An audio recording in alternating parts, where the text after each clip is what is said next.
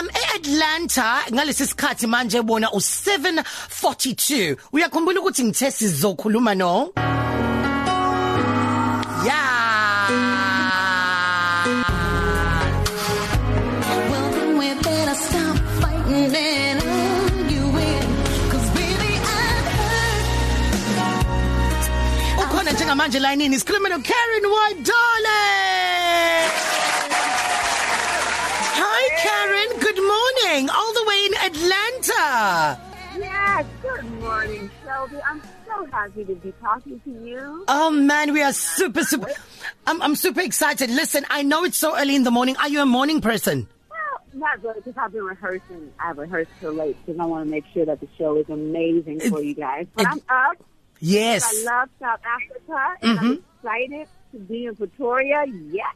Yes, that's the spirit. So let me tell you a little something, something that you probably might not know, right? Like here on Sundays, Sundays are big days for us, right? Like Sundays is chillax time, Sundays is relaxation time, Sundays is family time. So, a Sunday is never complete in South Africa without a Karen White song playing in the background. Either you guys are chilling, doing whatever with family and friends, or you're probably preparing for the day. You're probably, you're probably cleaning in the morning on a Sunday morning. It is never complete. We just want to say thank you so much for actually keeping us entertained throughout our Sundays. Your music is absolutely Wow. phenomenal, man. Thank you. That is everything because you know Sunday chilling music is everything. Mm. Like that's that's for me when I listen to you know Isaac Brothers or Mm. Earth and Fire, and so I totally know what you're saying. It's just that music that's that's sacred. So Mm. thank you. Nice. Fantastic. Listen, so you're coming to South Africa. You're going to be pre- performing in Pretoria. It's on the 20th of December. Am I, am I mistaken?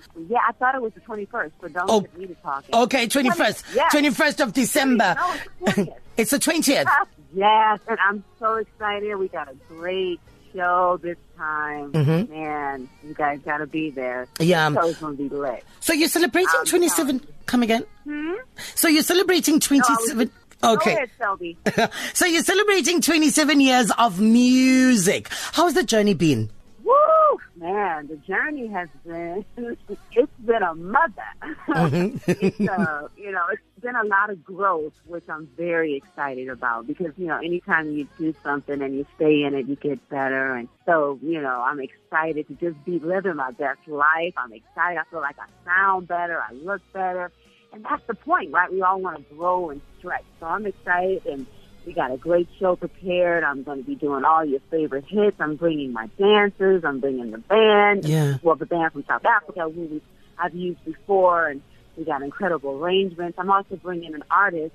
I don't know if he was popular there, but he's very uh, uh, built into our foundation here in, in the United States. His name is O'Brien. Um, he'll be singing the Babyface duet with me. Nice. And um, we just, we were, I mean, and then Rising Night, oh my God. So this show, I'm telling you guys, you don't want to miss this show. It's going to be It's abs- to be ridiculous.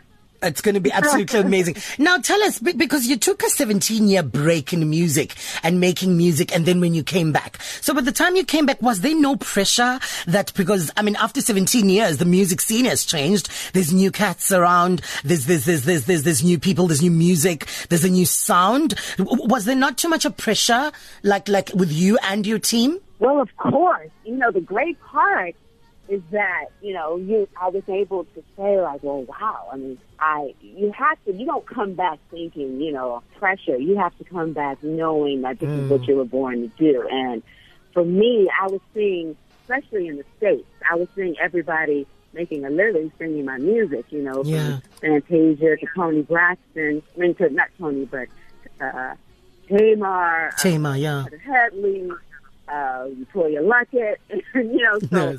I was like, I left a lot on the table and I left at the height of my career. So Mm.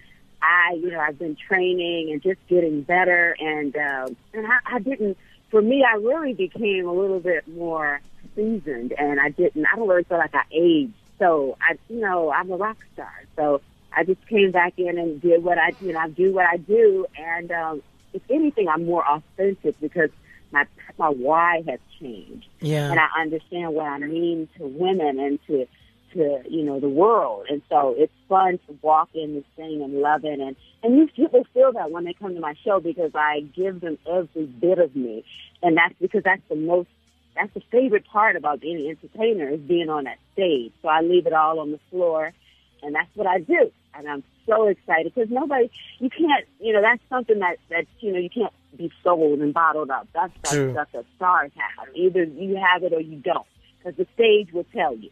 You understand? There's, Yeah. You can't hide behind singing it, you know, in the studio. But when you get on stage, either you you know who a star is, and I think I got that. Nice. brag, Lis- Listen, yes, of course. God, you can point. brag. Yeah. Listen, we cannot wait to see you on the 20th of December. You're going to be in Pretoria. We cannot wait for you to touch down right here in the motherland. And we've just won Miss Universe. Our Miss SA is now Miss Universe. So, hey, welcome to the land of winners. Hey, yes, Miss Universe in the house. Yes. I'm so proud. And I know you guys are. And I just want to say that I just want to tell you I love my South African fans. You make me feel oh. amazing. And I hope you know that from the bottom of my heart that I really do this because of you. And I'm excited to really love on you guys, hug on you, and just, Yeah. you know, embrace what I started with you guys. This love affair from uh, 30 years ago. Yes. Well, Karen, we cannot wait to see you nine days from now. You have yourself a safe flight. Carry on rehearsing. We are going to be there in Pretoria. Uh, it's going to be exciting. Thank you so much for taking time out and talking to us. Thank you, Selby. Bye-bye. Bye. uKaren White kadlini lo ade lesikhuluma naye elaphana eAtlanta. Ezobe khona ngomhla ka20 kuDecember.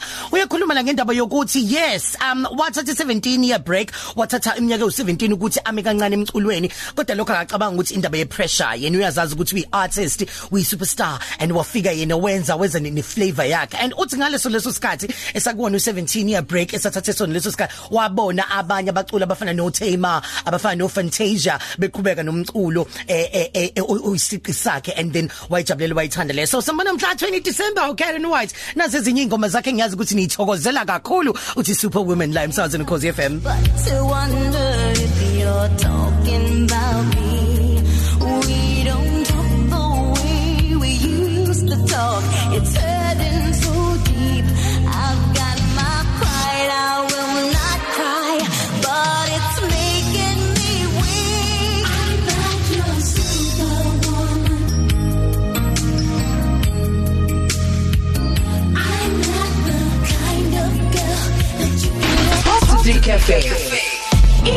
Yakho ayifani neyizolo.